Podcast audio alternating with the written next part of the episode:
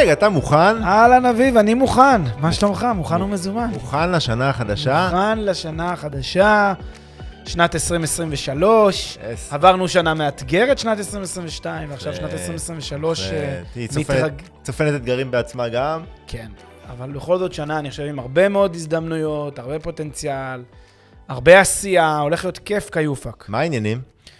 מצוין, מצוין, איך אתה? אני נפלא, פרק חדש, פרק נוסף. אני אספר לך ממה, ממה הגיע הרעיון לפרק על הזה. מה אנחנו אנחנו על מדברים? מה אנחנו מדברים? אנחנו מדברים בעצם על, על, על, על שאלה שהרבה פעמים אני נשאל, ב, על ידי אנשים שמתייעצים בכלל, אתה יודע, או קריירה או כיוונים בתחום הנדל"ן, שואלים את דעתי אה, ואומרים, תשמע, אני בסוף אה, רוצה איזושהי הכוונה לגבי מה כדאי לעשות. עכשיו, moving forward to 2023, אנחנו באמת ממליצים לאנשים לעשות את החשיבה, מה, מה הם רוצים לעשות עם עצמם בשנה הקרובה ובכלל, אם, אם בא להם להיכנס לנדל"ן, אנחנו תמיד אומרים עכשיו זה הזמן, אבל במיוחד בפרוס שנה חדשה זה הזמן, ולדעתנו יש הרבה דברים בנדל"ן שאפשר לעשות, אפשר להתחיל לעשות מחר בבוקר, וכדי לעשות את הכניסה ואת הבחירה או את ההחלטה במה אתה רוצה להתמקצע, את או אתה רוצים להתמקצע בשנת 23 בנדל"ן, החלטנו לעשות מין כזה מורה נבוכים מדריך, שמסביר את האפשרויות, את אפיקי הנדל"ן שאפשר לעשות מחר בבוקר, מה, מה היתרונות, מה החסרונות, ובעצם איך זה עובד. כדי שכשהמאזינות והמאזינים שלנו אה, אה, יחליטו להיכנס לעולם, הם ידעו מאיזה אפיק, מאיזה סוג השקעה כדאי להם להתחיל. נכון, כי הרבה לא יודעים. אני מוכרח להגיד שהרבה מהמונחים האלה, במיוחד לאנשים שלא חיים את הנדל"ן, לא מוכרים, הם לא יודעים את ההבדלים, הרבה דברים כן אינטואיטיביים, אבל לא יודע אם הם היו, אם הם חשבו להם מספיק לעומק,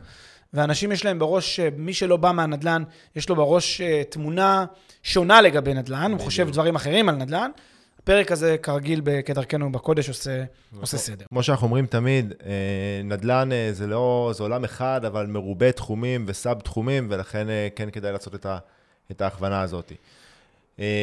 אגב, רק לגבי מה שאמרת, למי שזה גרמנו להרים גבות, לגבי זה שאנחנו תמיד חושבים שנכון להיכנס, אני רק אגיד שאנחנו פשוט, אני אישית לא מאמין ביכולת של אדם כזה או אחר לתזמן את השוק, ולכן אה, לכן, אה, אה, מה שאמרת, אנחנו תמיד חושבים שנכון להיכנס. מסכים. כאילו, אין- אין- שאין דבר כזה עיתוי רע או עיתוי טוב. אין דבר כזה, בנדל"ן. אני לא מאמין ביכולת שלי, של אנשים, בסדר?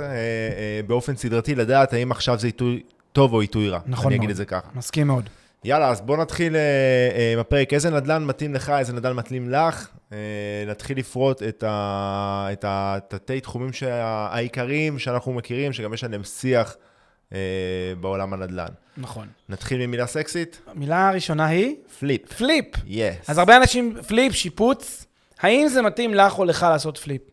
התשובה לדעתי שלרוב האנשים לא מתאים flip. בוא נתחיל במה זה flip. מה זה flip? flip זה לקחת נכס חורבה, לשפץ אותו, להשביח אותו, דם, יזע ודמעות, ולמכור אותו ברווח. אם אנחנו עושים את זה, אנחנו יכולים להרוויח הרבה כסף, כי באמת, לקחת נכס, להשביח אותו וכולי, זה מצריך הרבה מאוד עבודה.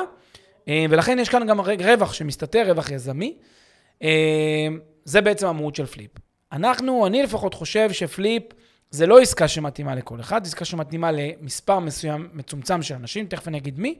בגדול, מי שתכף אני אגיד שהמאפיינים הבאים לא רלוונטיים אליו, אני ממליץ לא לעשות flip, בטח לא בתור התחלה, כי flip לדעתי מתאים במיוחד לאנשים שהם אנשי עשייה ושטח.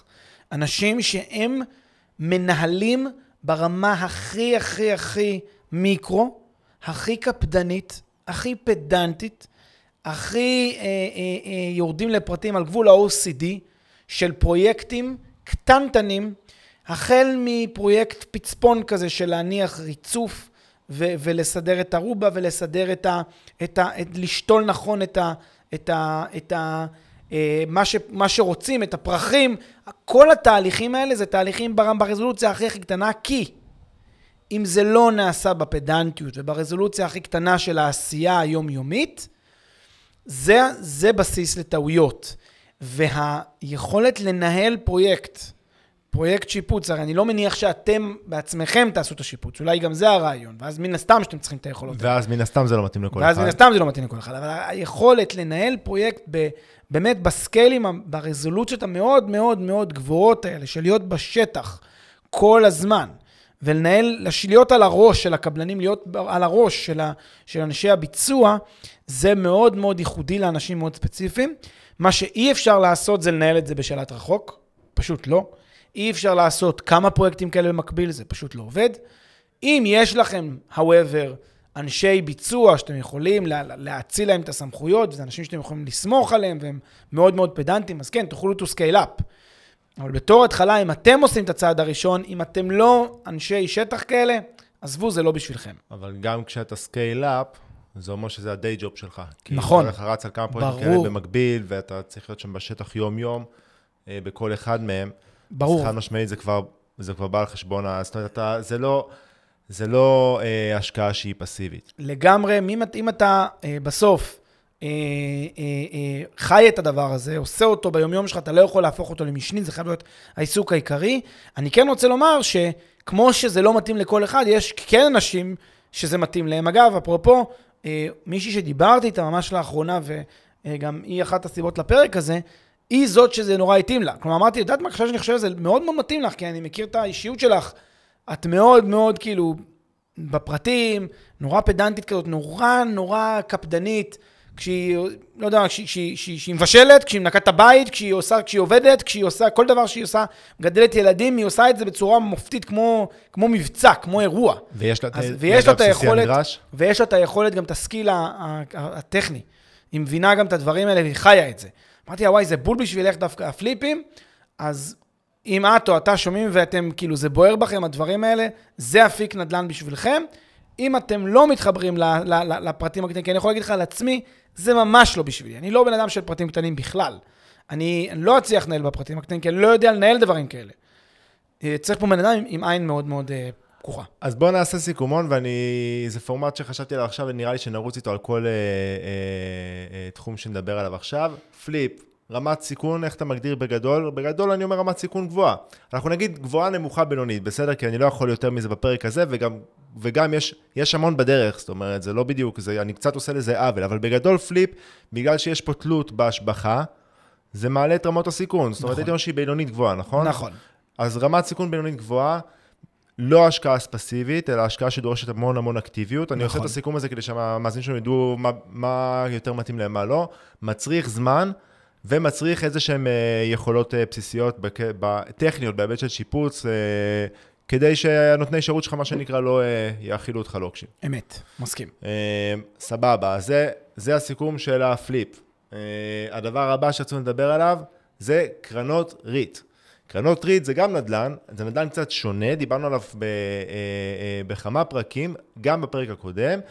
קרנות ריט זה למעשה חברות שמחזיקות נכסים, אה, אה, בין אם זה נכסים מסחריים, בין אם זה נכסים מגורים, יש אה, קרנות ייעודיות לנכסים מסוימים, ויש לדעתי גם קרנות שמערבבות.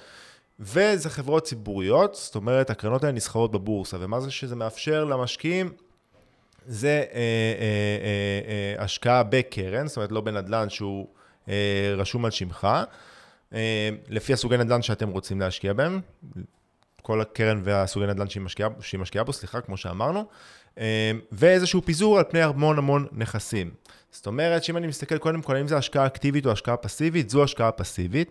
אתם משקיעים את זה בשוק ההון, משהו ששכחתי להגיד מקודם, כי זה גם מאפשר לכם את ההגנה של כללי שוק ההון, זה חברות ציבוריות. אה, אז השקעה היא פסיבית.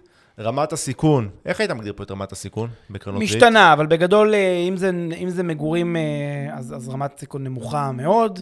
אם זה לכיוון המסחרי, הולכת ועולה. אה, אם זה הארדקור מסחרי, אז כבר גבוהה. סגור. הון עצמי נדרש, שאגב לא אמרנו את זה מקודם בפליפ, אבל בפליפ מן הסתם דרוש איזשהו הון משמעותי כדי לקנות את הנכס והשיפוץ. נכון. כאן ההון העצמי הנדרש, וזה היתרון. אבל וזה- יותר זול למשל מדירה רגילה להשקעה, כי זה יותר, אתה דירה קונה- יותר חורבה. כן. נכון.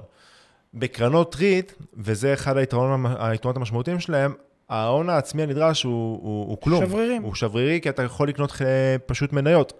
אה, אז זה עוד אה, דבר שלקחת בחשבון. אבל כאן, מהצד השני, המשקיע גם חשוף לתנודתיות ולסיכונים של שוק ההון. מעצם זה שאתה קונה מניה ולא נכס אה, נדל"ני, נכון. אז אתה חשוף גם לתנודתיות של שוק ההון. אני רוצה לומר משהו בכל זאת. על REIT שהוא קצת מעבר ל, ל, לכותרות אה, החשובות שאתה מציין. יש ב REIT יתרון, לפחות למי שרוצה לעשות צעד ראשון, כי גם זה זה חשוב, מי שרוצה צעד ראשון, יש משהו בלהרגיש את הנדלן דרך REIT, שאתם אה, תבינו יותר טוב נדל"ן אם אתם ממש ממש מפחדים להתחיל בנדל"ן. כי לעשות עסקה ראשונה, נגיד לקנות ב-700 אלף שקל דירה, לפעמים זה יכול להיות קצת מלחיץ לאנשים מסוימים. ריט, אתה יכול לשים גם 200 שקל, 500 שקל, פה זה שוב, זו המלצה להשקעה, אבל גם בכמה גרושים אפשר להתחיל לראות, להרגיש, ולהתחיל לקרוא את הדוחות ולהתעניין. עכשיו, אני כן חושב שאתם צריכים to put the money where your mouth is, כלומר, זה יגרום לכם לקרוא את הדוחות, זה יגרום לכם לקרוא את, ה, את הדיווחים של החברה, זה יגרום לכם קצת לעקוב אחריה, אם אתם משקיעים בה אפילו כמה מאות שקלים, מתוך עניין וסקרנות. ולכן זה שער כניסה, אני חושב, זול יחסית לנדל"ן, ולנדל"ן יחסית סולידי בממוצע. נכון, ושוב, מאפשר על, פני, על אה, השקעה שהיא עם הון עצמי נמוך יחסית, לקבל פיזור על פני המון נכון. נכון. אה, נכסים. נכון לפזר את הסיכון. נכון מאוד. אה, פיזור מאוד חשוב. אה, וגם מאפשר לי הנזלה מהירה, זאת אומרת, בניגוד ל... כמו שאני חשוף לסיכונים של שוק ההון, אני חשוף גם ליתרונות של אני שוק יכול ההון. להיכנס בניגוד- ולצאת במהירות. ב- בלחיצת כפתור בגדול. נכון. אוקיי, אפיק הבא זה דירה להשקעה, זה המסלול הקלאסי, איך שאני רואה אותו. נכון, דירה להשקעה היא לדעתי מתאימה לקשת הכי רחבה של אנשים. בסדר? עם אה, פליפים מתאים לקומץ קטן של אנשים יזמים באופיים, שיש להם יכולת לעשייה. דירה להשקעה מתאים יותר לאנשים, אני חושב, הסטנדרטים, הסולידיים, ה- הכי אה, כזה מיושבים, שאומרים, תשמע, אני רוצה עסקה סולידית, עסקה שהיא עסקה יחסית יציבה. אני קורא לד- לדירה להשקעה במרכזי ערים, באזורים צומחים, אני קורא לזה מלכת ההשקעות. בנדל"ן זה, זה כאילו ה- ה- ה- מתאים לקהל הכי רחב, זה הכי סולידי, בדרך כלל זה גם יהיה הכי טוב. כלומר, אה, אני יודע שטוב זו מילה יחסית, אבל אה, בגדול זה יהיה הכי טוב, משום שאם אני עכשיו מדבר לחתך הרחב של המאזינים, ואני מדבר למאזין הממוצע, אז, אז המאזין הממוצע שמחליט לקבל החלטה, כדאי שיקנה דירה להשקעה במרכז הארץ, למשל, או באחת הערים הגדולות בישראל, או, או אפילו אם הוא רוצה בחו"ל, בעיר גדולה ומתפתחת. אבל, אה, וזה מבטיח לו גם אה, יציבות, גם מבטיח לו אה, עסקה שהיא עסקה יחסית שהוא מבין את הגבולות שלה. מאיפה היא מתחילה, איפה היא נגמרת, איך היא נראית. קל יחסית לנהל, קל יחסית להשכיר, קל יחסית לתחזק את כל האירוע הזה. שוב, אני מוציא פה דירות מיוחדות, אני מוציא פה אה, נכסים שבורים, אני מוציא פה אה, אזורים פחות, קשים, כן. פריפ- פריפריאליים, אני מדבר כרגע על החתך הרחב. לכן, כמובן הוא כמובן שמי שרוצה לעשות נדל"ן ורוצה את ה... ו- ו- ו- ומחפש את המוצר הכי הכי אה, בנאלי במובן מסוים, הכי משעמם, אבל לדעתי גם הכי טוב, דירה להשקעה, ובפרט מלכת ההשקעות, דירה במרכז הארץ, זו, לדעתי, הדבר, זה הדבר הנכון לעשות בשנת 2023. שכאן, מבחינת ההון העצמי הנדרש, מדובר בסכום שהוא משמעותי יחסית, זאת אומרת, בכמה מאות אלפי שקלים. נכון.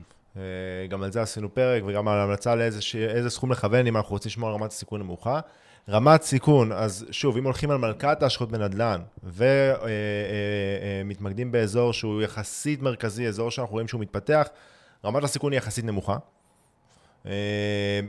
אה, ומבחינת פסיביות אקטיביות, כאן זה השקעה שהיא יותר, היא מאפשרת הרבה יותר פסיבית באופי שלה, כי גם אם אני אה, מאתר את הנכסים בעצמי אה, ועובד בזה, אז אני עובד בזה בכניסה, ופעם בשנה למצוא סוחר, ואם יש איזה דברים לעשות, אה, אבל, אה, אבל עקרונית, מאפשר לי להמשיך את החיים שלי, להתפרחן בעבודה, המשפחה שלי, ולא צריך פה יתר אקטיביות, נקרא לזה ככה, ברוב המקרים. נכון מאוד. אה, אפיק הבא, קרן השקעה. קרן השקעה, אנחנו מדברים על זה לא מעט, אה, על היתרונות, על החסרונות של הדבר הזה. בגדול, אה, דעתנו היא שקרן השקעה לא מתאימה לכל אחד, היא מתאימה בעיקר לשחקנים, לשחקנים מקצועיים יותר, כלומר אנשים שיודעים מה הם עושים, שיודעים לקרוא אה, אה, אה, הצעות השקעה בצורה מאוד ביקורתית, שיודעים לנתח עסקת נדל"ן כמו שצריך, שיודעים להבין סיכונים של נדל"ן כמו שצריך, זאת אומרת שיש להם מוכנות והבנה של מה זה אומר סיכון בעסקה יזמית, שהם מבינים את המורכבות של להיכנס לקרן עכשיו ל-4-5 שנים לנעול את הכסף. שוב, אני, אנחנו לא מדברים פה על ריטים, שזה גם קרן השקעה, מדברים על קרן סגורה, השקעה קרן פרטית. קרן פרטית. וגם צריך להגיד שעשינו על זה פרק, ממש לאחרונה. הפרק האחרון, הפרק הקודם, זה היה על, על ההבדל בין קרנות השקעה לבין דירה, אה, אה, בין השקעה ישירה, סליחה, בנדל"ן, אה, ובאמת, ככה מי שרוצה את הפירוט המלא, נקרא לזה ככה, מוזמן שישמע את להאזין אותו פרק. כן, לפרק. ברמת העיקרון, אנחנו, שוב, אה, הקרן מתאימה לאנשים שהם טיפה יותר מקצועיים, יש להם הון עצמי שהם מוכנים לאבד אותו, חשוב להגיד את זה, אה, וזה האנשים שהיא מתאימה להם, ולכן לדעתי היא מתאימה לקומץ יחסית קטן של אנשים, וממש לא לכל אחד, היא לא פונה לקהל הרחב. חד משמעית.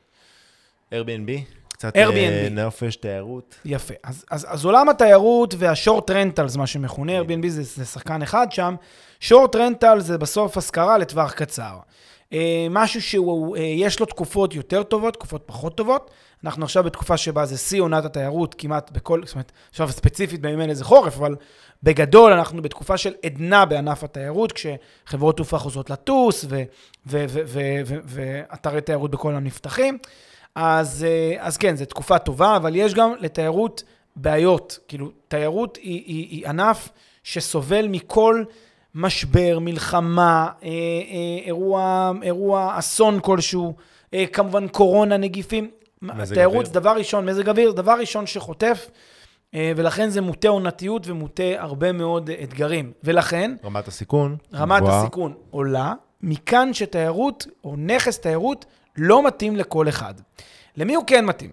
הוא מתאים, לדעתי, לאנשים שיש להם, אחד, אורך רוח תזרימי. כלומר, זה לא אנשים ממונפים שצריכים כסף מדי חודש כל הזמן, ויש להם אורך רוח תזרימי, כלומר, הם מסתכלים לטווח הרחוק. הם לא באים, עשו עסקה ל, ל, שהם צריכים תזרים עכשיו מדי חודש, ולנהל תזרים מדי חודש. שתיים, זה אנשים שיודעים להסתדר עם ניהול מרחוק, או ניהול של, על ידי מישהו שיודע לנהל להם נכס, וש, או שהם בעצמם מנהלים את הנכס, לא חשוב, אבל שהם יודעים לנהל נכסים מהסוג הזה. ניהול נכסים מהסוג הזה, הכל זה תפוסה. תפוסה, תפוסה, תפוסה, תפוסה. כל היום מדברים על תפוסה. כשהנכס זה פנוי, זה נכס שמפסיד כסף, כי נכס כזה צריך להיות כמה שיותר זמן תפוס כדי להכניס כמה שיותר כסף. לכן צריך פה מכונה משומנת. בדיוק. שתתפעל את ה... צריך. פה אנשים שיודעים או בעצמם לתפעל מכונה משומנת, או שהם יודעים לנהל מכונה משומנת. לנהל מישהו שמנהל מכונה משומנת, כן? כי בסוף, אם אתם לא יודעים לאתר את אותה חברת ניהול מצוינת, שיודעת לעשות את זה, אתם בבעיה, כי בעולם, בעולם השורט רנטלס, אם אתה לא נמצא שם, מישהו אחר תופס לך את התחרות, וקל מאוד אה, לאבד הכנסה ולאבד אה, כסף בזכות ניהול לא מספיק טוב או ניהול רשלני. ולכן גם כאן דרושה פה רזולוציה מסוימת של אה, פיקוח ושל ניהול, אה, ממש גם ברמה שלכם. אי אפשר נגיד להגיד, טוב, אני אתן לחברת ניהול והיא היא, היא תמקסם את הערך. זה לא עובד ככה. חברת, אתן לכם דוגמה, סתם רגע, ניכנס רגע למשהו. נגיד יש חברת ניהול שהייתי אומר לה, בואי קחי תנהלי את ה-Airbnb שלי, אני, אני רוצה להיות ראש שקט. מה היא תגיד לכם? היא תגיד, אין בעיה, קח חמישה אחוז, שכירות, אני לוקחת את כל האקסטרה. היתר. מה זה חמישה אחוז? זה כבר לא רחוק מדירה, מדירה רגילה שהיא תשכיר בשוק בלונג רנטל. נכון. לכן, בסוף חברת הניהול כאן גוזרת עליכם את ה... את ה, את ה היא לוקחת את הסיכון, אבל היא גם גוזרת לכם את, התשואה העודפת של בעצם של השורט רנטל, שהיא יותר לכיוון ה-7-8 אחוז, זה, זה השאיפה. ולכן, כאן אה, אה, לא יעזור להשתמש בחברת ניהול שאתם... זה, אתם צריכים ממש לנהל חברת ניהול או לנהל את התקשורת איתה כדי שהיא תתעדף את האינטרס שלכם, כדי שזה לא יהיה בחמישה אחוז מוב- מובטח, אלא שיהיה לכם סוג של, אה, אתם נהנים מכל ההכנסה והיא לוקחת רק אה, מההכנסה שלכם איזשהו רווח, ועדיין תרתמו אותה לעשות את העבודה שלה כמו שצריך. סגור, אז רמת סיכון כאן יחסית גבוהה, והאקטיביות שנדרשת ברוב המקרים היא גם גבוהה. גבוהה יחסית, אפילו גבוהה מאוד. אה, ולמי זה מתאים? למי שרוצה את שני הדברים האלה, ו... אה, אה, נכון, שרוצה לעבוד בשביל התשואה. אה, אני רק רוצה שיהיה ברור, אל תחשבו שזה שאתם קונים Airbnb, דירת Airbnb, ועכשיו זו תקופה ש, ש, שיש כאילו תיירות, זהו. אז עשיתם תשואה יותר טובה מאשר תשואת השוק. זה טעות. זה ממש לא נכון. צריך לעבוד מאוד קשה כדי לייצר את התשואה הזאת. הלאה. נדל"ן מסחרי, משרדים. נדל"ן מסחרי, הופה. זה עוד נישה. נישה ששוב, לא מתאימה לכל אחד, גם כאן היא מתאימה לקומץ מאוד קטן של אנשים. מי אלה האנשים שנדל"ן מסחרי מתאים להם? לדעתי בגדול... בוא נדבר שם, מה זה נדל"ן מסחרי נדל"ן מסחרי? בגדול? נגיד עכשיו יזם מציע למכירה שמונה קומות בבניין שהוא אה, מקים. בסדר? הוא מקים בניין, מציע שמונה קומות. שמונה קומות מסחר. עכשיו, יש לו שתי אפשרויות, וזה גם מה שהוא בדרך כלל עושה. או שהוא הולך מציע את זה כחבילה לחברה כלשהי, באה חברה, אמדוקס, לא משנה, סתם חברה, תופסת שמונה קומות. או שהוא מוכר קומה-קומה, או שהוא מוכר חצאי קומות, או מה שהרבה פעמים הם עושים, הם מוכרים נגיד שש מתוך השמונה קומות, ואז נותרו להם עוד שתי קומות שהם עושים איתם כל מיני דברים. אז קומה אחת הם עושים חצי ממנה open space וחצי עוד איזה משהו, ופתאום איזה קומה הם מוציאים למכירה בחתיכות. זאת אומרת, הם לוקחים את הקומה ואז אומרים, בואו נחלק את הקומה הזאת לכמה יחידות, לכמה יחידות שכל אחת נגיד 100 מטר, ונמכור אותן למשרדים של 100 מטר, למשל, לעורכי דין, לאנשי מקצוע כאלה ואחרים, ומי שירצה ייקח את זה למטרות השקעה. כלומר, הוא יכול לקנות את זה, או שהוא יכול לשכור את זה וגם גם לקנות, כאילו, ולשכור שם בעצמו. כן. ואז היא מציעה לכם את זה כאפיק השקעה. עכשיו, זה היה מאוד מאוד טרנדי לפני כמה שנים, קצת ירד קרנם של הדברים האלה. היום זה שוב קצת חוזר. מה זה בעצם המודל הזה? אתם באים וקונים משרד, משרד בבעלות. עכשיו, לכם נאמר, כן, מה הבעיה? משרד, תמיד יש צורך במגדלים, לחברות וכולי וכולי. אני אציג שתי בעיות שיש במשרדים, ששמות את המשקיע הפרטי בנחיתות משמעותית. בעיה ראשונה זה שהמשרד שאתם מחזיקים בו מתחרה במשרדים אחרים בבניין. משרדים אחרים בבניין, בדרך כלל, או שהם שייכים לחברת ניהול אחת בבניין, או שהם שייכים לסוחרים שהם, אה, ל- ל- ל- לבעלי דירות, לבעלי משרדים, שהם עצמם שחקנים חזקים, והם יודעים איך ל- לנהל את זה. למשל, נגיד שאתם מחזיקים במשרד של 100 מטר, ואיתכם בקומה יש עוד איזו חברה שהיא עצמה קנתה 2,000 מטר. זאת אומרת, היא עכשיו חברה שזה מה שהיא עושה. יש לה היא יתרון. לגודל, זה מה ש... זה המאה בדיוק, היא שלה. מפרסמת כל היום את המושכרים שלה בכל הארץ. היא מפרסמת לשוכרים, היא יודעת לעשות, יש לה אופרציה מסודרת של ניהול שוכרים, ניהול השכרה, איתור השוכרים, החלפה, גבייה, תשלומים, חשבונות, כל זה כבר קיים לה. ואתם מחזיקים ב-100 מטר, פיפס קטן מתוך הדבר הזה. צריכים לחפש שוכרים בנרות, וזה מאוד מאוד מאוד מסובך לכם להתחרות באותה חברה גדולה. עכשיו, דבר שני שבעייתי בעולם, בעולם השכירות המשרדית, זה כל הנושא של התשואה וה, והזרם. זרם תשואה במשרדים מאוד שונה משכירות למגורים, כי במגורים מאוד פשוט, נגמרת שכירות של אה, פלוני, נכנס אלמוני, ממשיך לשכור במקומו, בדרך כלל יש תקופה שהם אולי שבוע, שבועיים שאתם יש לכם מחסור, גג חודשיים חור. רוב הפעמים יש חפיפה מלאה, אפילו ברמת ה... הוא יצא ב-12 בצהריים, זה נכנס ב-12 ודקה. אז ממש יש את החפיפה הזאת, במשרדים זה ממש לא ככה. במשרדים, קודם כל יש דבר שנקרא עבודות אדמה, שבעצם לוקחים את ה... משרד עושים לו התאמה למושכר החדש, בדרך כלל זה מלווה בתקופת גרייס, כלומר בעצם בעל הדירה, בעל המשרד נותן לסוחר שלו תקופה של מספר חודשים שבהם הוא לא משלם שכר דירה. מספר חודשים. מספר חודשים, יכול להיות חודשיים, יכול להיות חודש, יכול להיות שלושה חודשים, גם יכול להיות חצי שנה במושכרים גדולים. ואז בעצם יש כאן מספר דברים שקורים, שבסוף אתם כמשכיר לא רואים את התשואה, לא רואים את ההכנסה השוטפת בגין הנכס הזה. אז לא רק שקשה לכם ברמה של למצוא את השוכרים, גם אתם כמשכיר, הרבה פעמים נמצאים בנחיתות. אה, אה, ב- ביכולת שלכם, בטח מבחינה תזרימית, אתם גם נמצאים באיזשהו בור תזרימי. לכן, למי זה כן מתאים? זה מתאים בעיקר לשחקנים ש... או שיש להם כבר אופרציה של משרדים שהם משכירים מספר משרדים, או טיפה יש להם יתרון לגודל מסוים, או שהם בעצמם מתכוונים לשכור את המשרד הזה ביום מן הימים, ויכול להיות שזה כבר יתרון שלהם שהם קונים את זה היום, או אנשים שהרגישו שמאיזושהי סיבה הם עושים את עסקת חייהם ואסור להם להפסיד, ואנחנו גם, שימו לב, במשרדים בשונה מגורים, אי אפשר לבנות על עליית ערך, כי לאורך השנים, היסטורית, אין כמעט עליית ערך בשוק המשרדים אה, בישראל.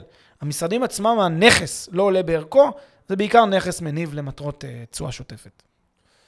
זאת אומרת שאם אני לוקח את זה על איזשהו אה, אה, אה, ציר, אה, שבצד אחד יש את הדירה להשקעה, ובצד השני, בשביל הדוגמה עכשיו יש את ה-Airbnb, אז המשרדים, הנדל"ן המסחרי, סליחה, הוא פחות תנודתי מה-Airbnb, כי זה פחות, זה לא עניין של אה, תיירות, שעכשיו אמרנו שכל פיפס קטן יכול להעיף אותם, זאת אומרת, יש איזשהו ביקוש אה, אה, אה, קוהרנטי, נקרא לזה, לנדל"ן מסחרי. אמנם די קברו אותו בקורונה, אבל אנחנו רואים שהוא, כמו שאמרת, כן עושה קאמבק בתקופה האחרונה.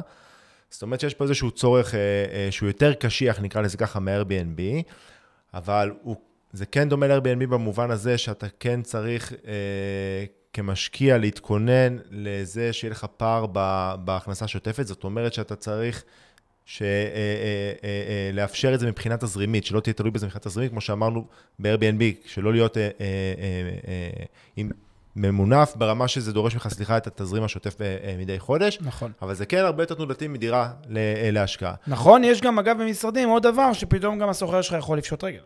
זה גם קורה במיוחד בתקופות שיש עליות ריבית, אה, וזה יכול לקרות שבעצם מישהו סוגר את העסק ואין לך איך להיפרע ממנו, ועכשיו תביעות ובלאגנים, זה גם קורה במשרדים. בהחלט. גם כמובן פחות נפוץ ב-Airbnb, אבל כן, אני מאוד מתחבר לזה. באמת, משרדים הוא איפשהו באמצע שבין ה... בין ה-Airbnb התנודתי, היומיומי כמעט, לבין המגורים ה-Long rental, שזה לטווח ארוך. פיקס, דבר הבא, אה, השקעה ברכישת קרקע, שפה קרקע. בוא תנסה לבנות את זה ככה בצורה איזושהי יחידה, כי יש גם פה המון סוגים והמון אה, אה, כן. עסקאות ותתי עסקאות. השקעה ברכישת קרקע זה השקעה בגדול בסוג מסוים של יזמות חלומית כזאת, או איזה מיזם חלומי, וזה בבחינת שגר ושכח. אני רואה את ההשקעות האלה כהרבה פעמים אה, מאוד לא אטרקטיביות, זה ברמה, ב understatement. הרבה אנשים אה, מפנטזים שיום אחד תהיה להם זכות לדירה, ו... ו, ו, ו זה, זה מסוג הדברים שהם מאוד מאוד נשמעים טוב, אבל המרחק בינם לבין המציאות הרבה פעמים הוא רחוק. עכשיו, אם אתם אומרים, יש לי באמת 300 אה, אלף שקל ספייר, שאני לא צריך, ויש לי סבלנות, את כל הזמן שבעולם לחכות עכשיו גם 20 שנה, אין בעיה, לכו על זה בבקשה. רוב האנשים זה לא המצב עבורם. בגדול, מה זה אומר השקעה בקרקע? זה אומר שעכשיו, למשל, יש איזשהו מתחם, שהמתחם הזה, יש כוונה כללית, עקרונית, לשנות ייעוד למתחם הזה, להוציא שם תב"ע, ולהפוך את המתחם, למשל, ממתחם חקלאי למתחם מגורים. ואז יגידו לכם, תראו, מתחם 804, סתם דוגמה, המתחם הזה בקצה העיר הזאת והזאת, כרגע הוא בייעוד חקלאי, הקרקע עומדת לשינוי ייעוד, וייתכן שבתוך כעשור יקימו שם בעצם פרויקטים אה, למגורים, שכונות חדשות, ומראים לכם הדמיות, מראים לכם תוכניות, מראים לכם איזושהי, אה, איזה יופי, תראו, הקרקע הזאת נמצאת בנקודה גבוהה על גבעה כזאת, לכן היא תראה גם ים מפה, ולכן היום אתם משלמים רק 300 אלף שקל, ויש סיכוי לא מבוטל שבעוד, אה, לא יודע מה, עשר שנים, תהיה לכם פה דירה של מיליון וחצי שקל. זה כמובן מאוד מאוד טוב נשמע על הנייר, אה, רק חשוב להבין שזה כל כך כל כך קשה. לחיזוי. לא רק בגלל ש... גם, גם אם אנחנו מאמינים שיש מצוקת uh, נדל"ן בישראל, וגם אם אנחנו מאמינים שהרבה קרקעות שהיום הן חקלאיות, או הרבה קרקעות שהן לא מיועדות למגורים, ייועדו בסופו של דבר למגורים, צריך לזכור שתהליכים כאלה לוקחים המון זמן, כל כך הרבה זמן, שזה זמן. פשוט לא כדאי לקבור את הכסף המון זמן, המון בירוקרטיה, המון אה, אה, אלמנטים רגולטוריים. נכון, מלחמות. ב... כן, מלחמות שלמות שזה יעבור עד שתקבלו, וזה שגם בסוף בסוף בקצה הדרך, נגיד זה אושר, לא בטוח שמה שיאשרו זה מה שהיום מכרו, יכול להיות שפשוט יגידו לכם, טוב תראו, אין, לצערנו, אין אפשרות להביא לכם את מה שתכננו, קחו את הכסף חזרה, אז בעצם שחקתם עכשיו את ה-300,000 שקל האלה לעשר שנים בלי תשואה, זה גם יכול לקרות. זה עוד מקרה טוב שהקרקע לא, כן. ש, ש, שמחזירים לכם כסף. בקיצור, ברמת העיקרון יש כאן, אה, לדעתי, אה, אה, אה, מאוד, זו עסקה מאוד מאוד מורכבת, מאוד גם כן לא מתאימה לכל אחד. למי היא כן מתאימה בכל זאת?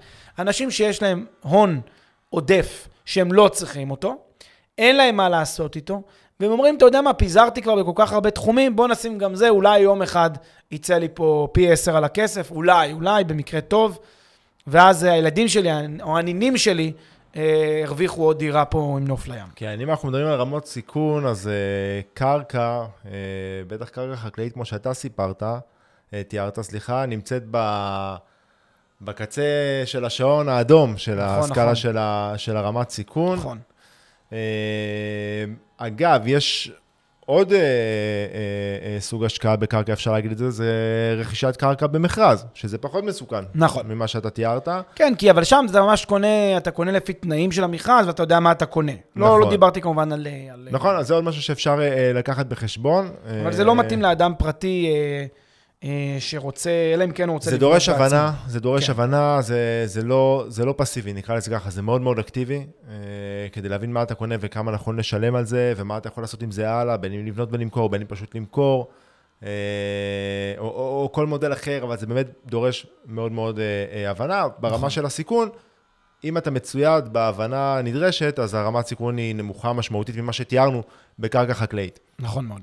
אה, אחלה. הלאה, מה לגבי הלוואות לנדל"ן? גם על זה דיברנו בפרק הקודם, בהקשר קצת של קרנות אה, השקעה. כן, אז הלוואות לנדל"ן, אני לא מזהה בזה עניין נדל"ני יותר מדי. אה, אני לא חושב שיש פה יותר מדי אה, מה להעמיק בזה מעבר להגיד שהלוואה לנדל"ן היא כמו הלוואה לכל תחום. אה, כשאתם מלווים לחבר, או כשאתם מלווים לדודה, או שמה שאתם עושים, לא חשוב. אה, מלווים כסף, רוצים לקבל תשואה על הכסף שהלוויתם. בין אם זה כי הבן אדם משקיע בנדל"ן, ובין אם זה כי הבן אדם מהמר עם זה בקזינו, בין אם זה כי הבן אדם הוא, אה, אה, לא יודע מה עושה, מקים סטארט-אפ. זה לא כזה משנה.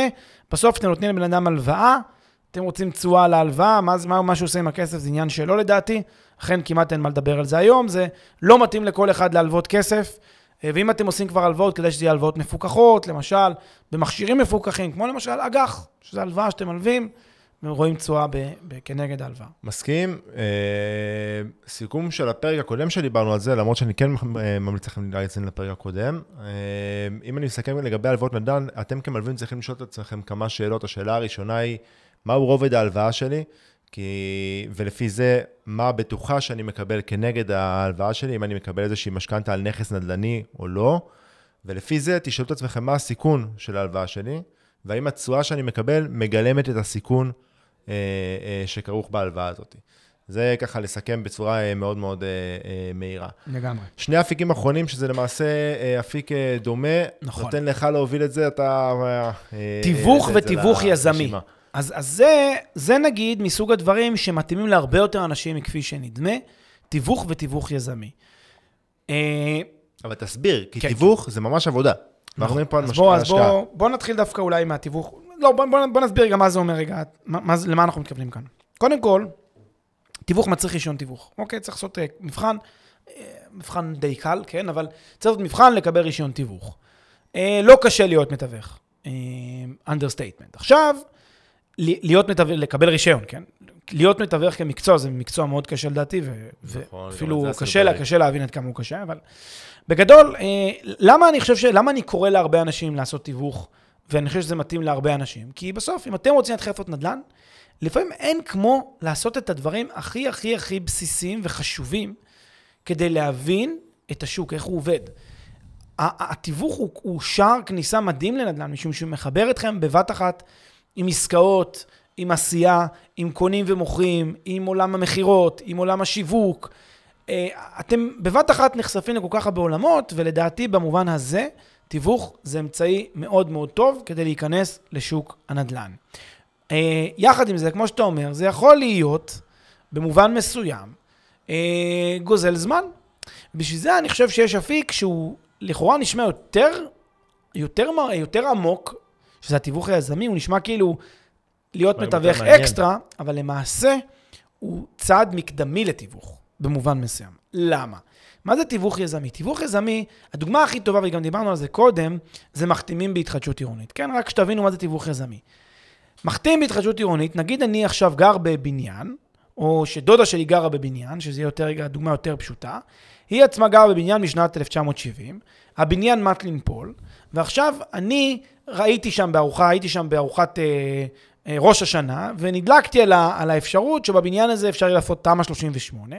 הלכתי לדיירים, לשכנים של דודה שלי, כמובן בהסכמתה, והלכתי והתחלתי להחתים אותם, ואמרתי להם, תראו, אני אביא יזם לשביעות רצונכם ולשביעות רצוני, ונעשה כאן בפרויקט, נעשה כאן בבניין את פרויקט התמ"א הכי יפה בעיר.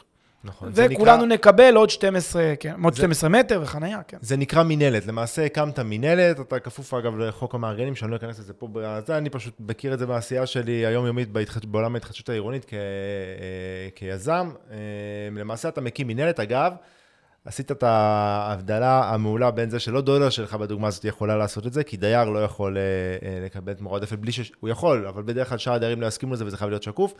אבל למעשה אתה פה הקמת מינהלת, אתה אמרת לדיירים, אני אאגד את, את כולנו, נבנה פה נציגות, נביא לנו, אני אביא לנו עורך דין טוב, וכמה הצעות מיזמים, כדי שזה יצא לדרך, ובתמורה, מה שאתה מקבל, זה אה, תמורה מהיזם. אמת. אה, וזה מה שנקרא תיווך יזמי, כי אני בסוף חיברתי אנשים לעסקה. אוקיי, עכשיו, אם זה נראה לכם אה, משהו מורכב, מה עכשיו אני הולך לעשות משהו שאני אתן לכם עוד, עוד, עוד דוגמה. אתם גרים בבית צמוד קרקע, שוכרים אפילו, בסדר? גרים בשכונה עם צמודי קרקע, לא משנה מה.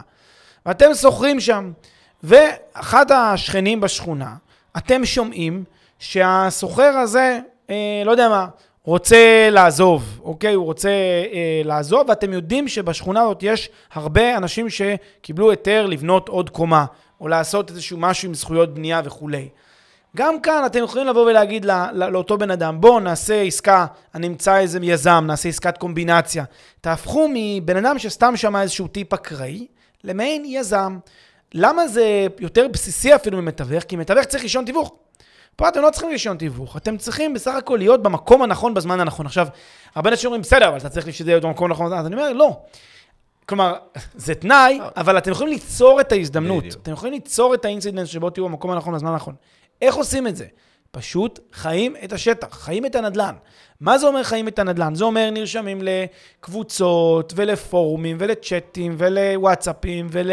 והולכים לפגישות והולכים לכנסים והולכים לאירועים וכל היום מדברים והולכים ומתמקצעים ומדברים על נדל"ן וחיים נדל"ן ועושים פודקאסט על נדל"ן ווטאבר.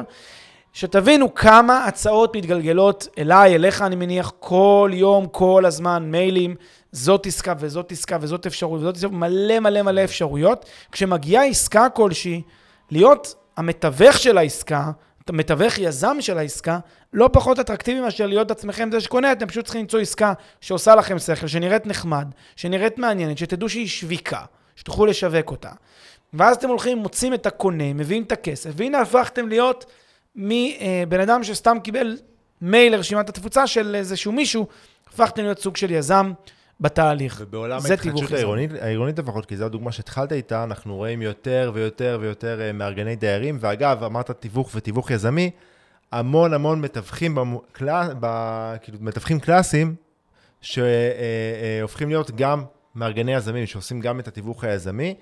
אה, אם אני מסכם לפי הנתונים שדיברנו עליהם מקודם, אה, האקטיביות פה, אה, נדרשת פה אקטיביות, אי אפשר, אה, אי אפשר לכבס את זה, גם אם אתה הולך על התיווך היזמי שהוא כאילו, אה, שהוא לא דורש את הרישיון תיווך, עדיין, כמו שאמרת, צריך לחיות את השוק, צריך להיות מעורב, אז נדרשת פה אקטיביות, אבל לפחות המובן הזה, אתה כן יכול לשלב את זה עם דברים אחרים. זאת אומרת, זה לא משהו שדורש ממך אה, אה, אה, את כל היום שלך. מבחינת רמות הסיכון, לכאורה, אתה לא מסכן משהו, כי אין לך פה נכס שאתה מסכן, זה לא שהשקעת כסף בזה, אתה פשוט מסכן את הזמן שאתה משקיע פה, שלא הולך לשום, אה, לשום, אה, אה, לטובת שום אפיק אחר, נקרא לזה ככה. אה, העניין פה לדעתי הוא מאוד מאוד גבוה, אגב, בתיווך יזמי. נכון, ולכולנו יש אפשרות להתחיל תיווך יזמי מחר בבוקר. אה, זה מתאים לכולם, זה ללא סיכון, כן. כמו שאתה אומר. זו עסקה, אתה יכול לעשות פה עסקה מדהימה, אתה יכול להפוך את זה לשער נדל"ן, אתה לא צריך להיות גם זה שיזם, אתה רק צריך לשים את האחיזה על הקרקע. עשינו גם פרק על תיווך יזמי, מי, שזה- מי שזה מעניין אותו שיעמיק וישמע את הפרק. אה, וזהו, זה בגדול, אני חושב, האפיקים. Moving forward ל-2023. יס, אני מקווה ש... מקווה שעשינו לכם אה, אה, סדר, אה, ככה לגבי אה, כל מיני, כמו תמיד שאני אומר, Buzzword שיש בשוק, וקצת אה, אה, לגבי תתי, המונה, תתי האפיקים, סליחה, אה, כדי לעזור לכם לצאת לדרך, אם לא יצאתם, וכדי לעזור לכם לתכנן את סוג ההשקעה הבאה שלכם. פלג, אני נהניתי אביב, מאוד. כרגיל, תודה רבה. שנה טובה, חברים. שנה מעולה.